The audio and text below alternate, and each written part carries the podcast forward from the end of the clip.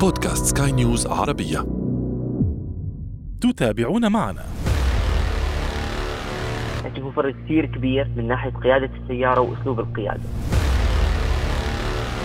super kart بتوصل سرعتها 161 كيلو لسيارة جدا صغيرة. حلبات الكارتينج هي حلبات أول شيء قصيرة. يعني أطولها بيكون طوله كيلو فاصلة ستة. محركات.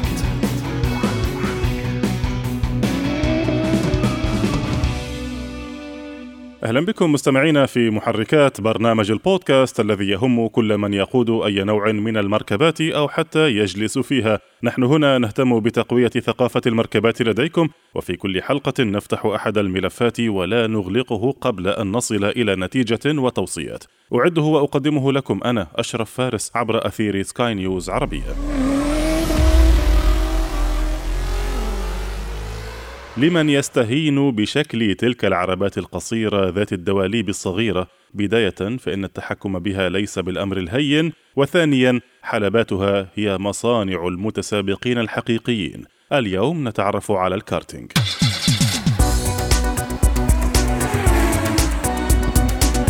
في جملة حلقاتنا عن رياضة المحركات اليوم نتوقف مع اللبنة الأولى لكل متسابق محترف والمنفذ الأول لطاقات عشاق رياضات المحركات فهي تكاد تكون الأرخص ثمنا في هذا العالم وبالتالي الأكثر توافرا للعامة بالطبع كما حذرتم وقفتنا اليوم مع سباقات الكارتينج هذه السباقات التي يظنها الجاهل خطأ بأنها فقط للصغار. صحيح أن صغار المتسابقين يبدأون منها لكن ما لا يعرفه البعض أن لهذه المركبات الصغيرة فئات مختلفة. التحكم فيها يحتاج لقوة عضلية وتركيز حقيقيين خاصة لو استمر السباق لفترات طويلة. لكم أن تتخيلوا ما يتحمله هؤلاء الصغار عندما يقودون مثل هذه المركبات التي تعصى ربما على الكبار. إذا لنتعرف أكثر على مهد سباقات الفورميولا 1 سباقات الكارتينج وتفاصيلها. نستضيف معنا من العاصمة الأردنية عمان السيد روجيه عبيد. صحفي مختص في رياضة المحركات وهو كذلك متسابق حاضر في حلبات الكارتينج بالأردن.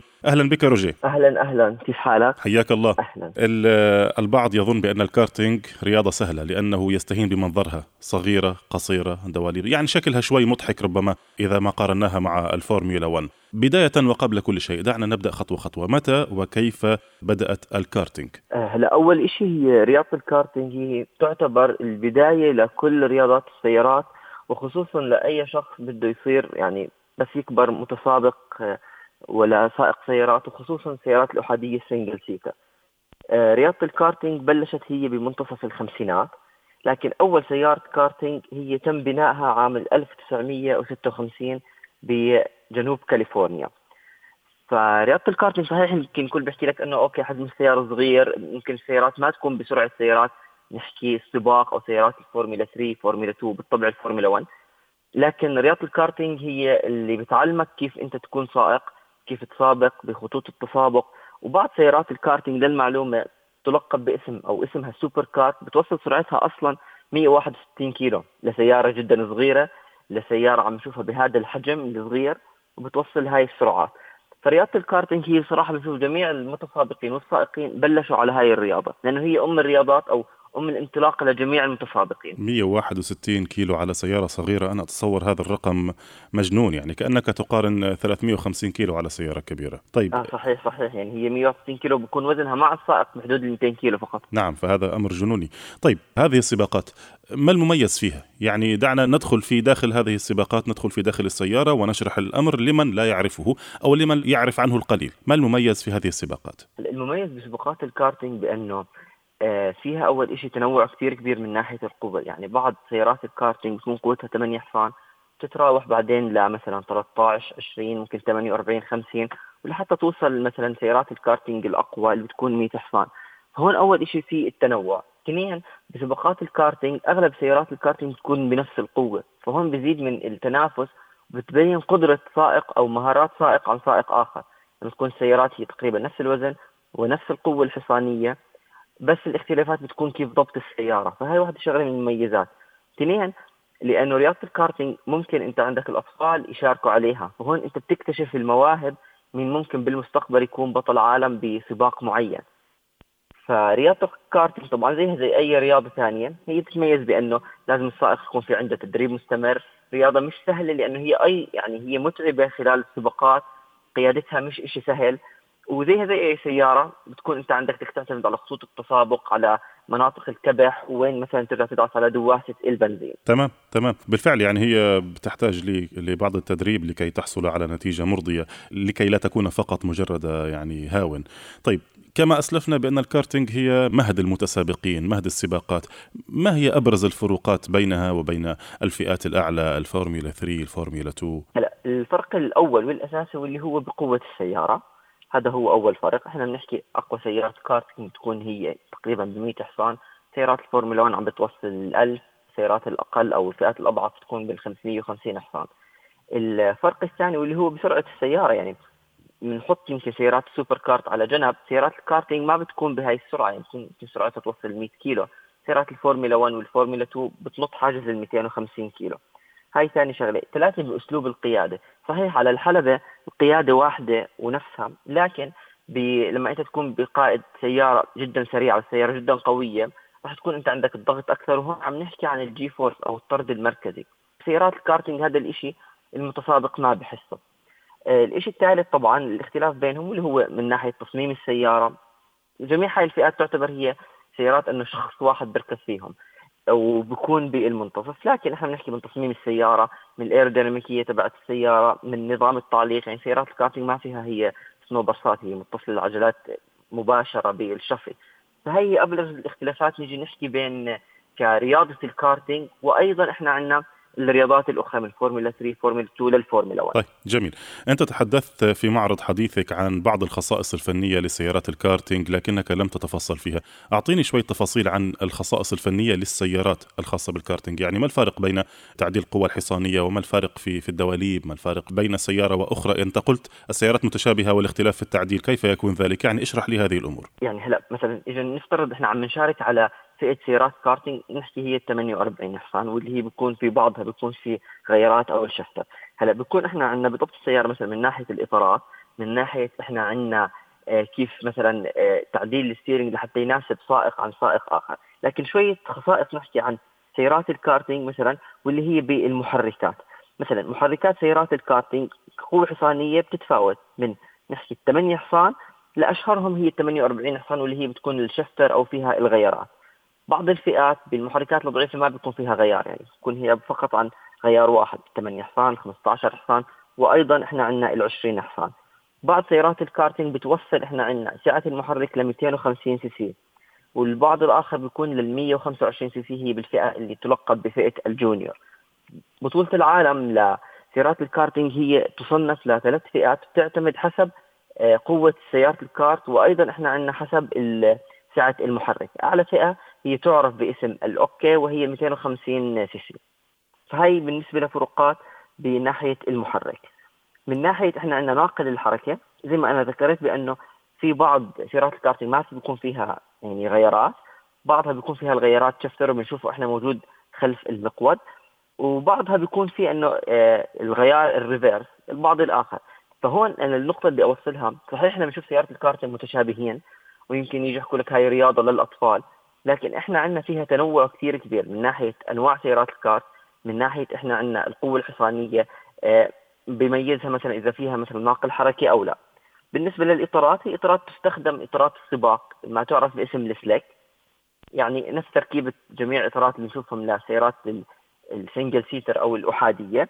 طبعا الإطارات بعد كل سباق أو أكثر من سباق راح يضطر السائق بأنه هو يبدل اطاراته لأنه بتكون استهلكت لأن هي من نفس تركيبة الإطارات السباقات الأخرى. طيب آه بعد كل سباق سيحتاج لتغيير الإطارات إذا كانت إطارات slick طبعا، لكن آه نحن نتحدث عن سباق كم مدته تقريبا؟ لأننا لا نرى أن مثلا الحلبات التي تؤجر مركبات الكارتينج تقوم بتغييرها يوميا أو ربما يغيرونها دون أن نرى لا أعلم، ما رأيك؟ آه هي هاي هلا أول شيء حلبات الكارتينج هي حلبات أول شيء قصيرة. يعني أطولها بيكون طوله كيلو فاصلة ستة لأنه أول شيء السيارات يعني بيكون فيها جهد كثير كبير. ولا ننسى إنه أغلب اللي بيشارك فيها هم من فئة عمرية صغيرة.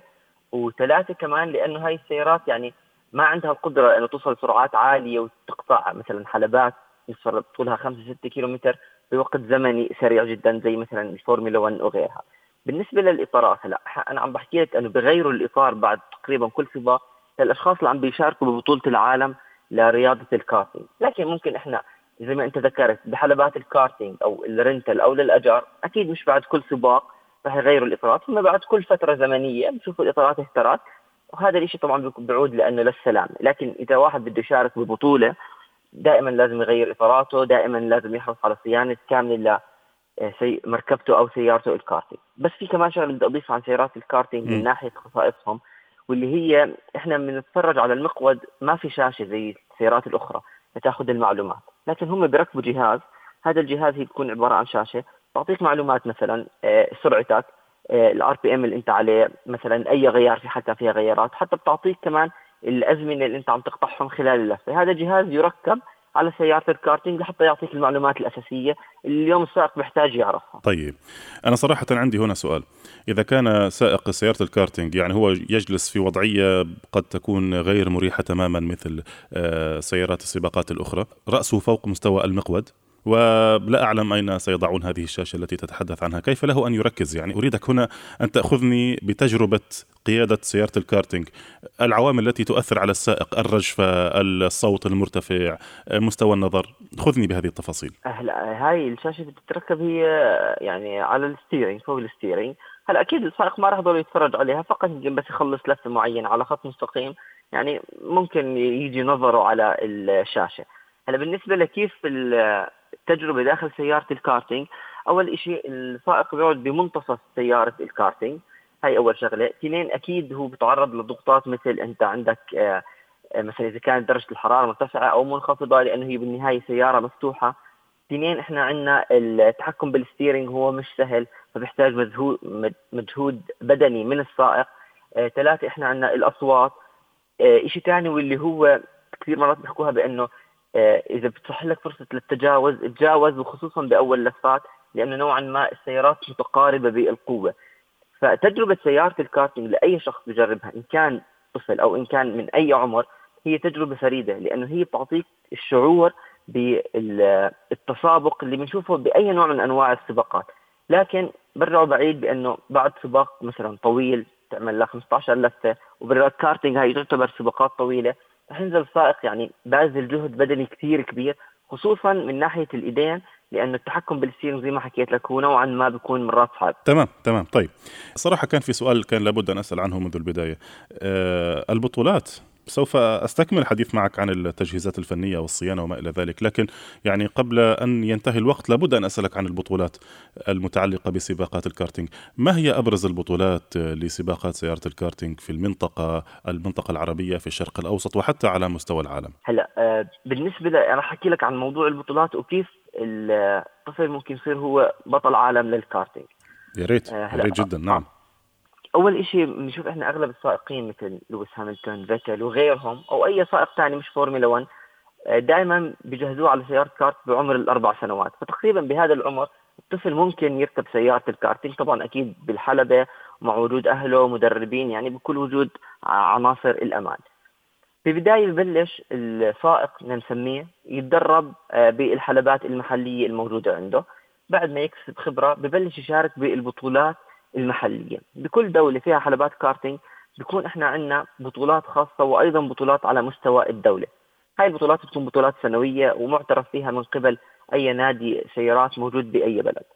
بعد ما هذا الشخص مثلا يكتسب الخبرة أو يفوز بهاي البطولات المحلية ممكن ينتقل لبطولات على مستوى المنطقة. فمثلا إحنا عندنا بالأردن في بطولة رسمية سنوية بتصير. ممكن السائقين بعدها ينتقلوا لينافسوا مثلا في دول الخليج بنعرف في كثير بطولات بتصير بالإمارات وبطولات على مستوى المنطقة. بعد هيك هدول السائقين بيقدروا ينتقلوا لحتى يشاركوا ببطولات نيجي نحكي على مستوى أكبر مثلا على مستوى قاري بعدين لحتى يوصلوا لبطولة العالم لرياضة الكارتينج هاي البطولة هي بموسم 2021 بلشت بشهر خمسة ببلجيكا. طبعا للفئات ال OK وال junior أعلى فئة والفئة الأقل. وانتهت آه، قبل كم يوم بشهر 10 باسبانيا ب 31 10 طبعا آه، لحتى تشارك بطولة العالم لرياضة الكارتينج أكيد رح تحتاج أنت عندك مبلغ من المال تكون عندك سيارة كارت مجهزة منافسة تكون أنت عندك فريق ميكانيكي مدربين وأيضا تكون أنت عندك آه، عدة سنوات مشارك وفايز. يعني ما راح نشوف طفل عمره خمس سنين هو شارك بطوله العالم للكارتينج لا. الأعمار بتوصل لعمر 12 وناس بيكون عمرهم 14 15 عشان بعدها بعد هاي النقطة في حال فاز ببطولة العالم للكارتينج أو كان مثلا نفترض من أول ثلاثة أو سائق مميز رح ينتقل مثلا للفورمولا 3 فورمولا 2 لحتى يوصل الفورمولا 1 هل نرى أشخاص كبار يسابقون في بطولات الكارتينج؟ صحيح لأنه فئة OK أو هي الفئة ال senior أعمارهم بتبلش من عمر ال 14 حتى إذا بنشوف بطولات محلية أو حتى بطولات إقليمية بنشوف أشخاص يعني بعمر كبير. هلأ هذا الشخص بيكون عنده هواية وحب للتسابق أو حب لرياضة الكارتينج أكيد رح يكون موضوعه أصعب بأنه يوصل للفورمولا 1 لأنه ما بلش بعمر صغير لكن آه أكيد بتشوف أشخاص يعني مش مش بس الأطفال بيشاركوا فيها. طيب جميل جدا جدا. أعود وأستكمل معك الحديث عن الأمور الفنية. أنت ذكرت نقطة حول التجهيزات الفنية وذكرت نقطة أخرى حول الفريق الفني المستعد إلى جانب المتسابق. ما هي الصيانة التي تحتاجها سيارة الكارتينج باستمرار؟ فقط الموضوع متعلق بالعجلات والزيت أم أن هناك أمور أخرى؟ ويعني أدخل معي بشوية تفاصيل. لا هلا آه، بالنسبة لعملية الصيانة أكيد الإطارات الشيء أساسي. في حال كان فيها سيارة الكارتينج shifter أو ال gear أكيد بيكون في صيانة دائمة. لكن كمان إحنا عندنا بده يكون في صيانة لل body أو الشاصي تبع سيارة الكارتينج لأنه هو مصمم بطريقة بأنه هو يساعد بأنه تكون سيارة مرنة وأنه أيضا تكون السياره فيها الأيروديناميكية. فالشاصي تبع سيارة الكارتينج جدا أساسي للثبات لسرعة سيارة الكارتينج وأيضا إحنا عندنا من حوالينا بنشوف بعض سيارات الكارتينج هي من المطاط. هاي نوع من أنواع الأمان في حال لا سمح الله صار حادث راح تحميه. فشيء أساسي كمان صيانه دائمة لإلها. أكيد إحنا عندنا تشييك كامل على السيارة. إحنا عندنا مثلا من المقود من إحنا كيف اتصال العجلات. يعني أي آه، عطل فيها ممكن يأخر السائق أو مثلا ما تكون سيارته جاهزة للتسابق. فهي فعليا الشغلات الأساسية هي الإطارات المقود وأكيد إحنا عندنا الشاصي تبع سيارة الكارتينج. آه، للسائق نفسه. ما هي نصائح الأمان التي توجهها أنت؟ أنت متسابق بحد ذاتك لديك تجربة في القيادة داخل الحلبات. ما هي نصائح الأمان التي تعطيها للسائق الجديد تحديدا على حلبة الكارتينج؟ آه، هلا أول شيء أي واحد ممكن يبلش برياضة الكارتينج رح يكون عنده حماس كثير كبير لأنه هاي أول مرة مثلا بيكون بحلبة ممكن يكون بسباق مع أشخاص آخرين. الموضوع بده تدريب. يعني واحد مش من أول لفة أو من أول سباق رح يحقق أفضل أزمنة أو حتى يفوز. فالموضوع بده تدريب. تدريب لأنه كمان سيارات الكارتينج من فئة لفئة صحيح إحنا عم نحكي مثلا يمكن 8 حصان ل 20 حصان 48 حصان. نوعا ما تيجي تحكي شو هاي الفرق 20 حصان؟ لكن هو فرق كثير كبير من ناحية قيادة السيارة وأسلوب القيادة. فأول شيء التدريب والتدريب هذا شيء جدا أساسي. اثنين أكيد كل سائق بيكون معه اللباس تبعه والخوذة وإحنا عندنا الحذاء وأيضا الكفوف. هذا شيء أساسي جدا لحماية السائق.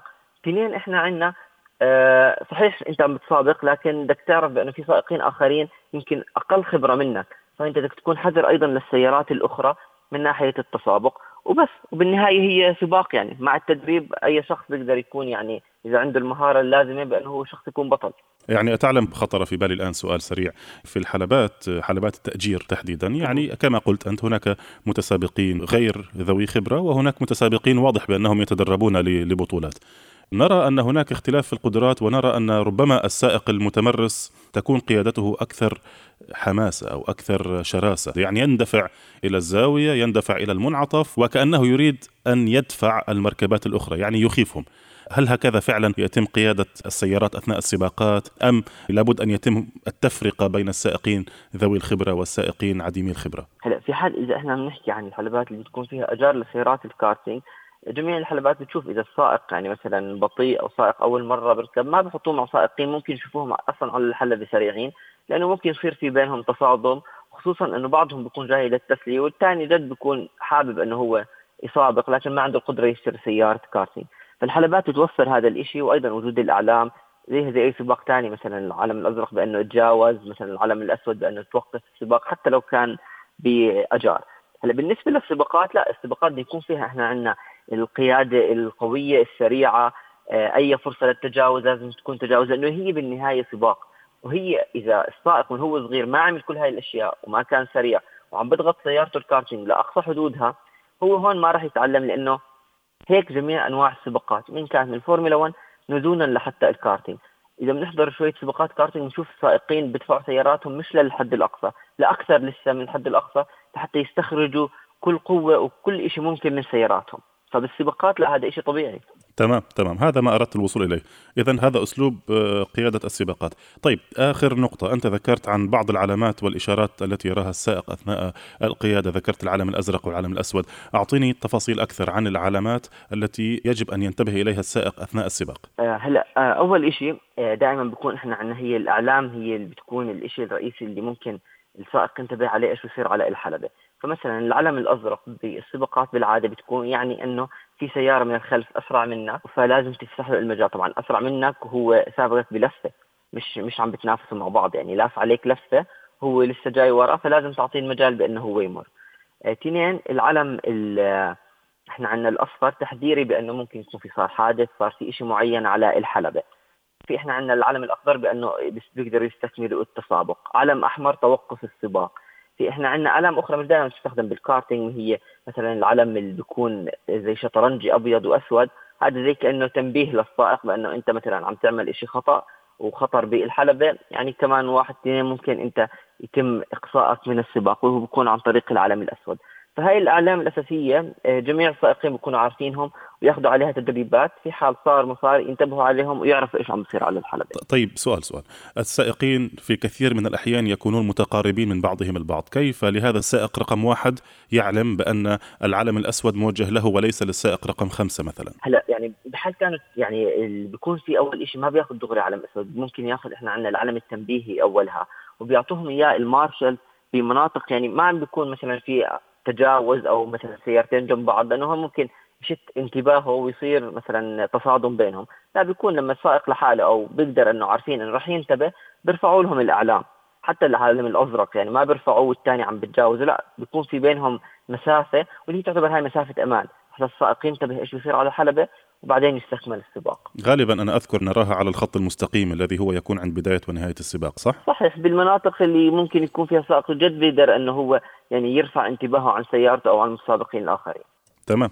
تمام جزيل الشكر لك يا روجيا. صراحة يعني لم أشبع من هذه الحلقة. عندي الكثير من الأسئلة لكن للأسف يعني وصلنا إلى ختام آه، هذه الحلقة. شكرا لك جزيلا. شكرا شكرا. شكرا لك. كان معنا من العاصمة الأردنية عمان السيد روجي عبيد صحفي مختص في رياضة المحركات وأيضا متسابق في حلبات الكارتينج الأردنية.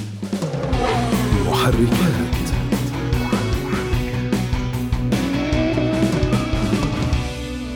وأنتم مستمعين الكرام إذا حاز هذا البودكاست على استحسانكم يرجى منكم إعطائه التقييم المناسب. وإذا كانت لديكم أي تعليقات أو تحسينات دائما يسعدنا أن نستقبلها في رسائلكم إلينا عبر مختلف منصاتنا. كان معي في الإخراج الفني إيدي طبيب. في الإعداد والتقديم كنت معكم محدثكم أنا أشرف فارس. مرة أخرى نشكركم على حسن المتابعة. دمتم دائما وأبدا. في أمان الله.